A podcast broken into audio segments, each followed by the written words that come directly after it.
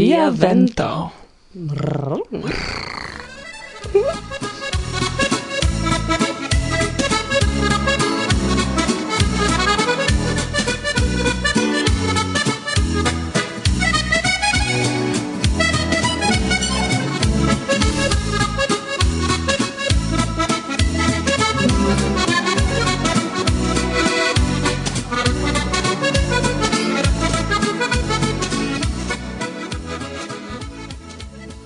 la lasta universala congresso de Esperanto, mi volis iom viziti la landon. Do tut compreneble mi tui iris alla giceto, kie iu agrabla, blonda volontulino de Teo vendis congressain excursoin.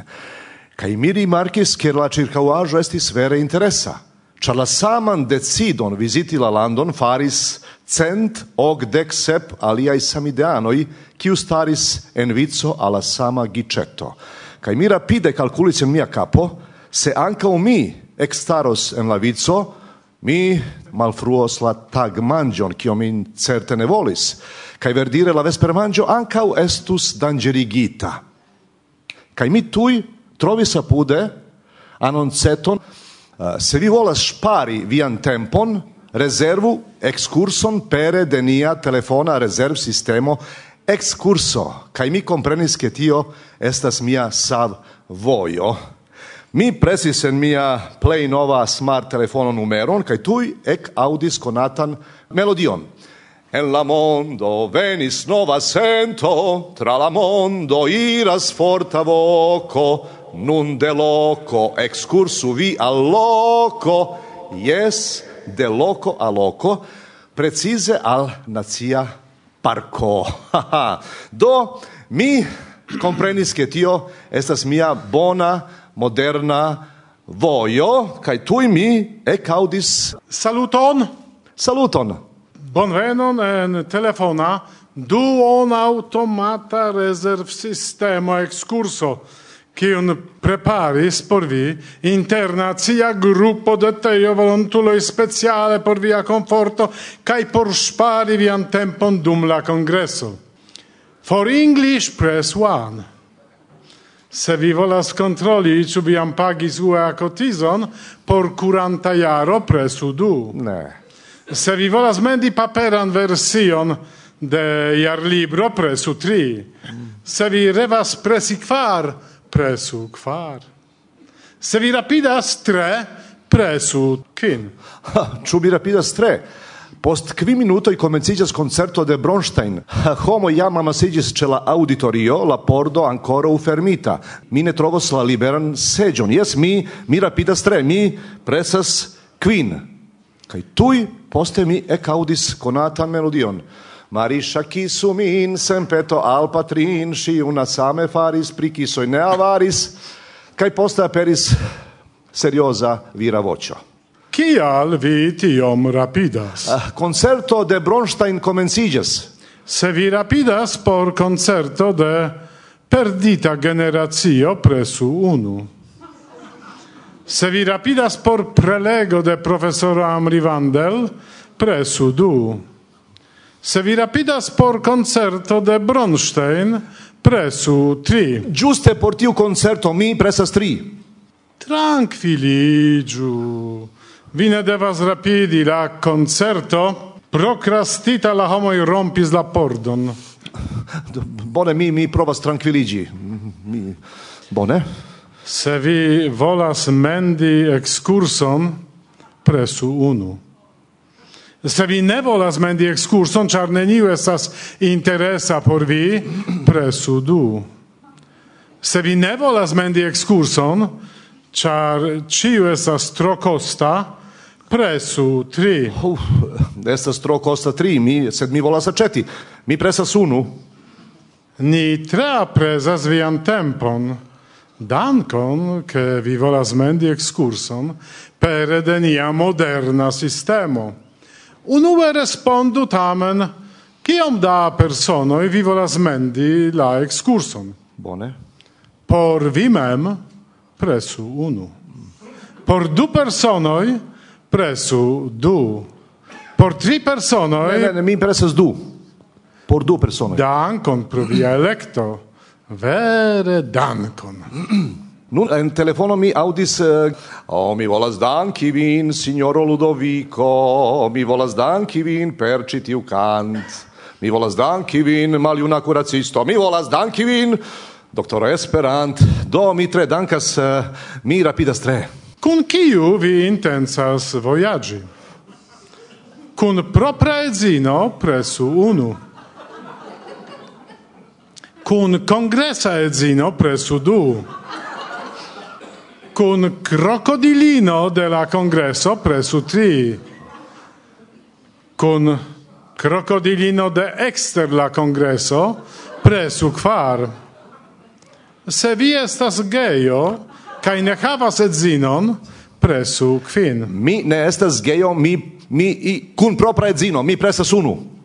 Dankon pro via electo, ni tre apresas vian tempon. Dankon, ke vi electis nian modernan sistemon. Lau la respondo, ni comprenas, ke vi ne estas tre progresema viro. Sed compreneble ciu electas sian sorton, vi povas excursi ec kun propra edzino. Esperantisto estas toleremai. Dankon, dankon, dankon. Kian excurson vi preferas? Busan? presu unu. Biciclan presu du. Bieran presu tri. Se vi conas la canton pri voyaggio de Jomart kaj Natasha, ciu jare dum somero mi almena unu foje acetantas en stazio la bileton por fervoio presu kvar. Se vi conatigis kun Jomart kaj Natasha en buso, Presu kvin. To, mi kelkfoje busis kun ili, sed sa, nun estas temo pri ekskurso. Uh, eh, la pordo ce la auditorio jam reparita. Uh, Bronstein uh, finis paroladon dank al Dio kai comencis canti Do mi presas unu busa ekskurso. Se vi volas vojaĝi en buso, presu unu. Se por malaltigi la kostojn, Vi volas curi post la buso, presu du. Mi ne plu estes en, en teo agio, evidente por unu, unu, unu. I, se vi volas buse iri al muzeeto de loca esperanta clubeto, presu unu. Ne. Se vi preferas buse iri al train stazio por aceti la bileton por fervojo, presu du se vi intencas tamen ŝanĝi la transportilon, presu tri. Ne ne ne mi mi kun buso oh, mi en fingro in igas nervoza mi mi mi presas misan butonon. Al tiu ĉi butono ni ne donis apartan signifon. Por plene realigi vian peton pri excurso kai spari vian tempon dum la congresso nun ni revenas al comenza stupo Vi devas presi nenion. Oh, poste mi audis Tie la mondo iras, tie la mondo iras, tie la mondo iras, tie la mondo de Giuliano, post qui minutoi, post uh, alvenis tiu profesia vira vocio.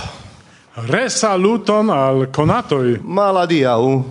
Bonvenon en nia telefona duon automata reserv sistema excurso, mm. kiun preparis internacia gruppo yes. da teio volontuloi yes. speciale por via conforto kai por spari vian tempon dum la congresso.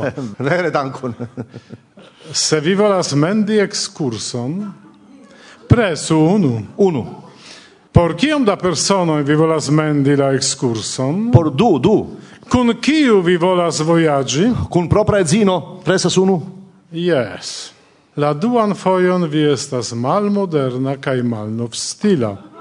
Sed vi rajtas kompreneble, esperantisto estas tolerema. Mm, mm, vere dankon. en kiu lingvo vi mendas ciceronadon? La angla lingvo kun ah. 30% rabato presu unu. Hispana lingvo kun dudek procenta rabato presu du. La hebrea sen rabato videvas presi nenion. Esperanto dec quin procenta mal rabato Aha. presu sesdec quin tricent quardec sep. Esperanto sesdec quin tricent... Ah! Via peto estas tre complica. Vi estas tro complica. Ah. Mi versaine devas connecti vin kun viva volontulo. Tio povas dauri oh. iom, tamen attendu tranquille. Poste mi audis canton en la glavo, sangon soi fantan, Kaj mi pensis, ĉu tio ĝuste respegulas miajn nunajn sentojn. Ĝila eh, homan tiras familion, verŝajne mi ne apartenas plu en paca parto de la familio. Finfine finiĝas la himno kaj aperas la volontulo. Mi aprezas vian tempon dum la kongreso. Tial ni connectis vin al nia volontula servo da vivai consultistoi. Bone, ni informas che por via securezzo la interparolo povas esti registrata. Mm, bone. Se vi consentas pri registrado, presu unu. Bone. Se vi ne consentas pri registrado, presu la rugian auscultilon sur ekrano de via mm, telefono. Mm, ne, ne, ne, ne, mi consentas, mi presas unu. Bonvenon en telefona duon automata reserv sistema excurso parto viva homo. Oh, oh, dankon, mi vere gioias che ni fine povas audi vin. Anca mi gioias, nia verda popolo ciam gioias tre, precipe dum la congressoi. Anta ol mi tre rapide cae tre professie solvos ciuin viain problemoin, inter tiui anca utiun cun pri la excurso, mi devas nur identigi vian identecon. Ha, bone, bone, bone. Mi, mi nomigas uh, eh, Jirži alias Georgo Hanslik. Eh, dankon, mi notis. Uh -huh. Nun, nur, la numero de via unua legitimilo de Universala Esperanta Asocio. Oh, oh, mi, mi ne havas, mi ne memoras, eh, ĉu mi jam ricevis. Ah, yes. Eh, mi legis pri tio, vi povas esti membro collectiva. Ah. En tia caso mi patas numeron de legitimilo de via landa asocio. Aha, mi, mi, mi, ne, mi ne havas, mi forgesis, diable mi ne memoras. Uh, ne gravas. Presu nur kvin literan vian UEA kodon, tio sufiĉas. Oh, oh, mi estas en ferio, ne scias kodojn, ciferojn. Mi havas monon, mi volas aĉeti ekskurson. Brile. Ni povas solvi ankaŭ tiun problemon. Por tiu celo ni preparis speciale nian rezervan sav demandon. Bone. Diru en kiu urbo okazis la unua universala kongreso de Esperanto. Ha ha! Bologno ce la maro. Dankon! La identigado finigis sukcese. Oh, dank al Dio. Nun mi povas registri Vin. Ah, bone. Vi estas registrita en la vico al la giceto kun numero cent ogdek sep. Restu ce la telefono che ni povu paroli Kio? kun vi en aina momento. Mm. Dankon pro uzo de nia profesia servo excurso. Merdo. Musico.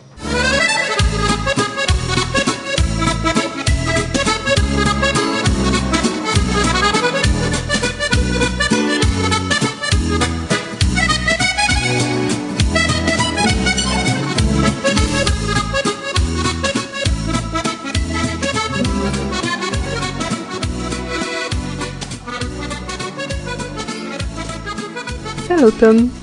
Partoprenante la unuan arkonest post kelkiera pauzo, mi havis plezuron auskulti multajn interesajn prelegoin.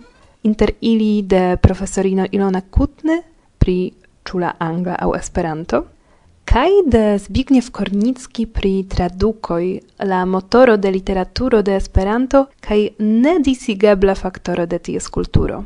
Ambaŭ prelegoj turnis mian atenton pri rolo de literaturo en formado de lingvo.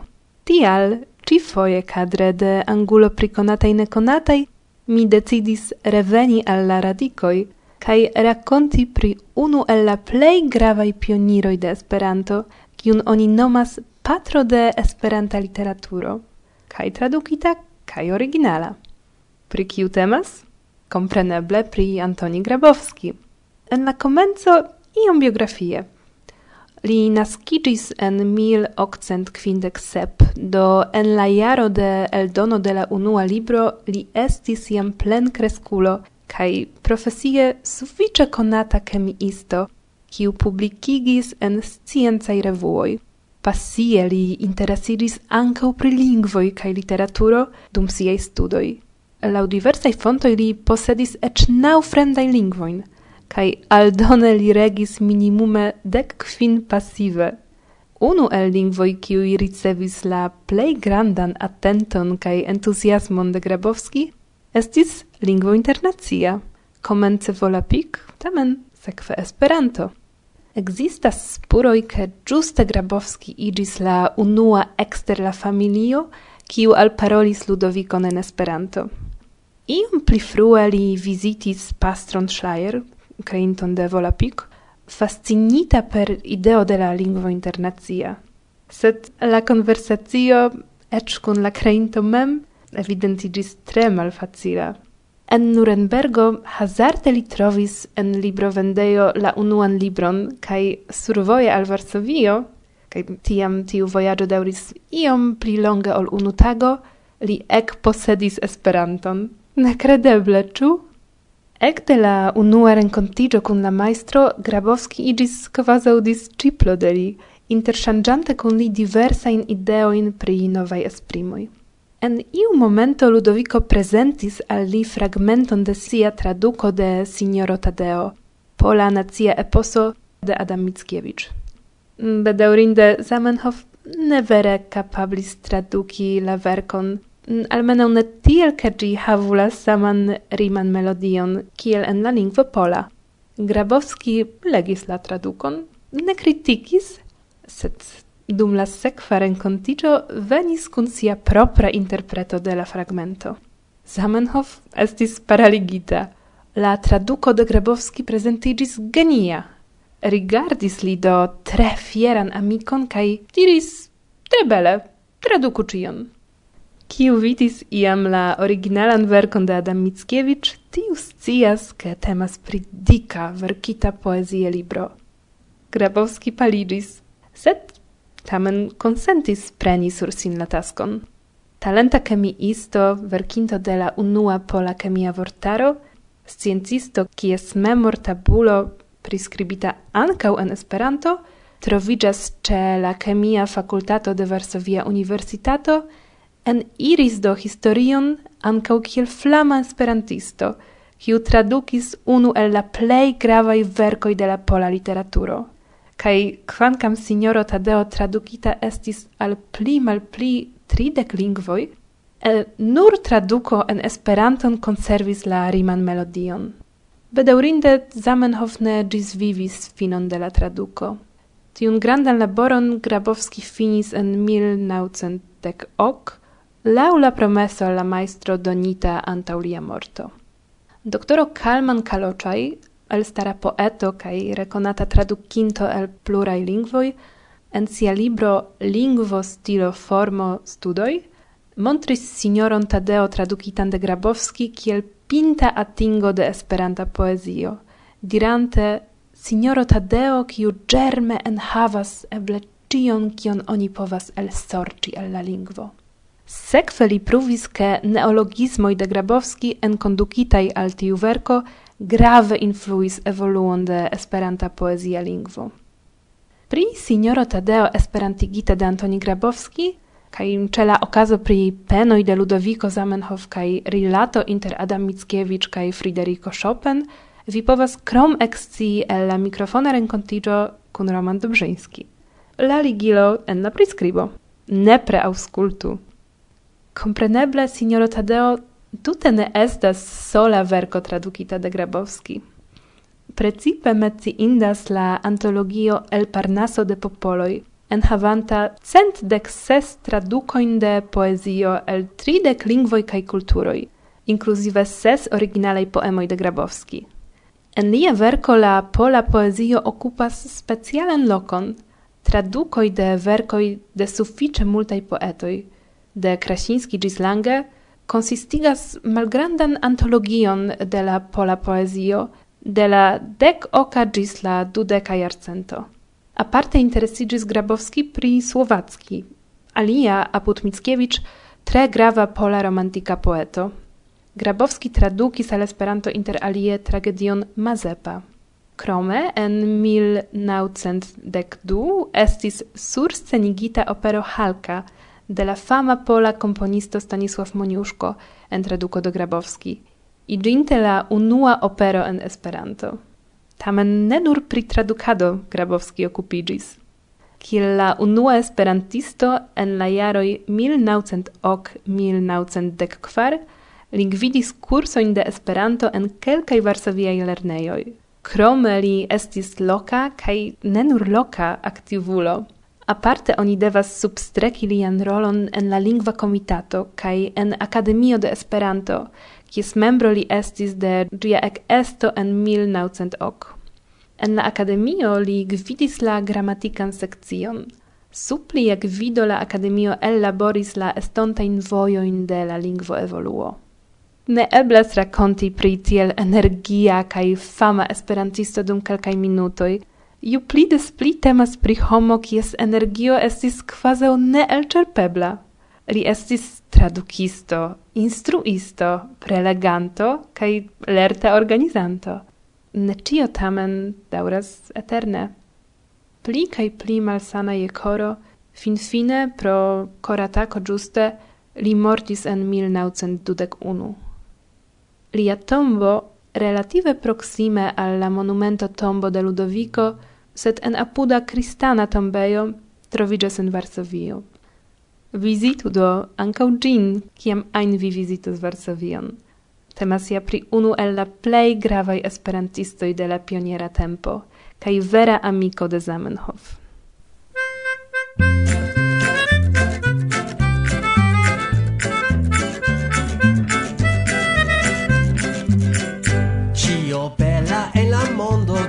povas iam igi plast.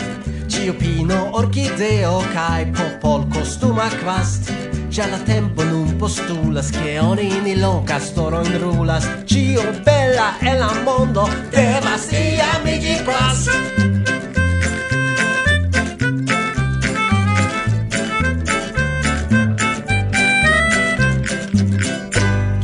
Gioia e la mondo devas iam igi plast vulko kaj simio cia ago de malchast Ciu danzo, ciu festo, ja farigios poliestro. Ciu gioia e la mondo devas iam digi plas.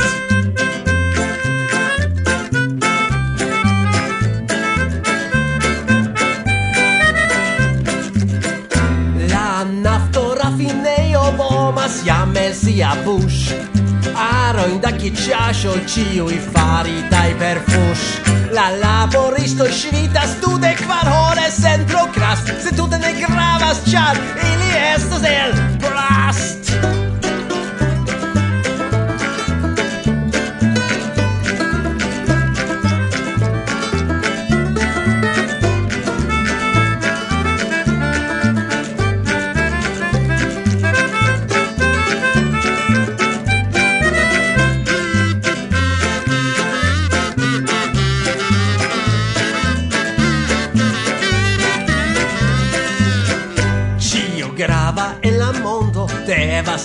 igi plast. Si coro parenzano cae pasporta servo gast Soio lacto teo quexo fabricigios e latexo Ciu grava e la mondo devas iam igi plast. Ciu bella e la mondo devas igi plast. Ciu gioia e la mondo devas igi plast. Ĉio grava e la mondo devo iĝi plast. Varsovia mm, vento en malpli provizoraj cirkonstancoj ciore en accepteio de Arkones en kiu mi renkontas subite la organizantoin saluton. Saluton, mi estas Ela Malik. Tobiasz Kaźmierski, saluton. Post pauzo, kiam homoj komencis splendi, ke Arkones jam ne plu okazas do ligita tio estis ankaŭ kun morto de legendoj pri Arkones kaj unu el ili estis Paweł Janowczyk kaj poste venis pandemio kaj nun denove ni renkontiĝas en Poznań s geamikoj Estas eh, granda volo ĉe ni daŭrigi tion. Ni volas doni eh, al esperantistoj okazo por renkontiĝi. Do tio estas la plej grava. Kaj kio estis grava por vi, ĉar vi jam ne plu loĝas en Poznań, sed en Rotterdamo? No, mi, mi jam delonge ne plu loĝas en Poznań. Kio estas grava por mi, do estas same uh, la okazo por renkontiĝi kaj fari aranĝon kun kvalita programo kaj en la fino mem renkontiĝi ge amikojn, ĉar speciale laste mi ne havis multan okazon por esti kune kun esperantistoj, ni tenis distancon kaj nun estas ŝanco por reveni sen unu kaj duon metro. Kai vi ekde jaroj, ekde kiam mi memoras, memoras tiun mielan vesperon. Jes, uh, eh, eh, miela vespero estas ligita kun Arkones. Unue pro tio, Eble vi scias, ke en polaj vendejo en okdekaj jaroj ne estis alia alkoholaĵo, nur medo. Kaj ni ĉiam volis iomaniere honorigi niajn gastoj, do tio estis koncepto. Kaj nuntempe vi scias, eh, mi havas propraj abeloj, Eh, do pro tio ankaŭ estas eh, eh, aldona ideo mm, por mm, paroli pri mielo, medo kaj ekologio sano kotopo. Czy vi ne riskis jam mem produkti medon, ĉar tamen vi havas la bazajn substancojn ĉe mano, ĉu? Do ne. Estas um, majstroj en Pollando, kiuj faras tion bonege, do tiel mi nur zorgas pri simpla mielo. Do iam kun tobie eble ni vizitas vian abelujon kaj tiam ni komencas kombini kion oni povas fari kun via bonkvalita mielo, ĉar ni havas tiun uh, fajreron de eksperimento en okuloj se temas pri tiuj aferoj kaj uh, iomete pri programo kio okazis dum Arkones. Nu ciare estis eh, creita aparte rapide, char ancora ogis eh, praktike junio ni nestis, ciu arcones arkones Poste venis tiu zorgo, ĉu ni havos sufiĉe da partoprenantoj kaj kontribuantoj, kaj ni ne havis grandajn atendojn, do ĉiarkones por ni estas por mi persone granda ĝoja surprizo, ke ni superis uh, la ciferon de cent dek personoj de dek ses eh, landoj, kaj ankaŭ la programo estis malfacile meti gin en cadroi de la aranjo, do gi dauras fakte pli longe ol eh, aliai arconesoi. Granda parto de contribuantoi venas de eh, la studoi de universitato, kai tio estas garantio de eh, qualita programo, kai ja partoprenanto i taxu mem ĉu oni ŝatas aŭ ne kai krome plura in contribuoin estos eh, baldau en la reto kai kelkai jam estas en la reto spekteblai do Agnieszka Rudziak kiu staras antaŭ mi. Salutu homoj. Saluton de mi. Aŭskultas tion kaj ĝojas ĉar eh, kutime ŝi priparolas aranĝojn kaj nuntempe la organiza teamo rakontas pri tio. Karaj eh, do mi estas uh, de iaroi arcones ano mi diru kai ia maniere se mi nur capablas provas eh, contribui kai helpi al aranĝo do mi povas nur diri gistui en esperantui char post momento finijos tiu aranjo kai vi finfine redormos ĝin ĉu ĉar vi ek de mateno gis vespero Yes, do, set ankoraŭ kelkai horoj fakte en dimancion, ni havas eh, tre longan arconeson en tiu ciaro. Yes. Yes, grandan dankon kaj bonvenon en la venonta jaro. Ni, ni jam povas akcepti kontribuantojn kaj homojn, kiu volas prezentigi aŭ simple partopreni. Kaj dankon al vi pro la amas komunikila uh, patronado Alarcones. Do post momento mm, vi audos kelkajn impresojn de la partoprenantoj. Kion ili pri Arcones? Dankon. Dankon. Ĉion bonan dankon. Ĝis. Bla bla bla. Bla bla bla.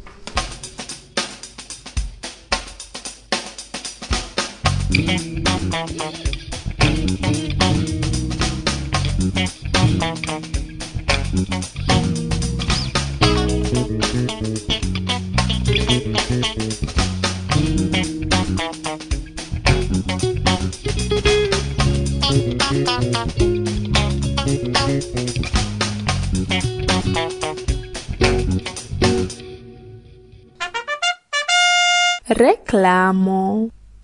Mancas reklamo. Varsovia vento, bla bla bla.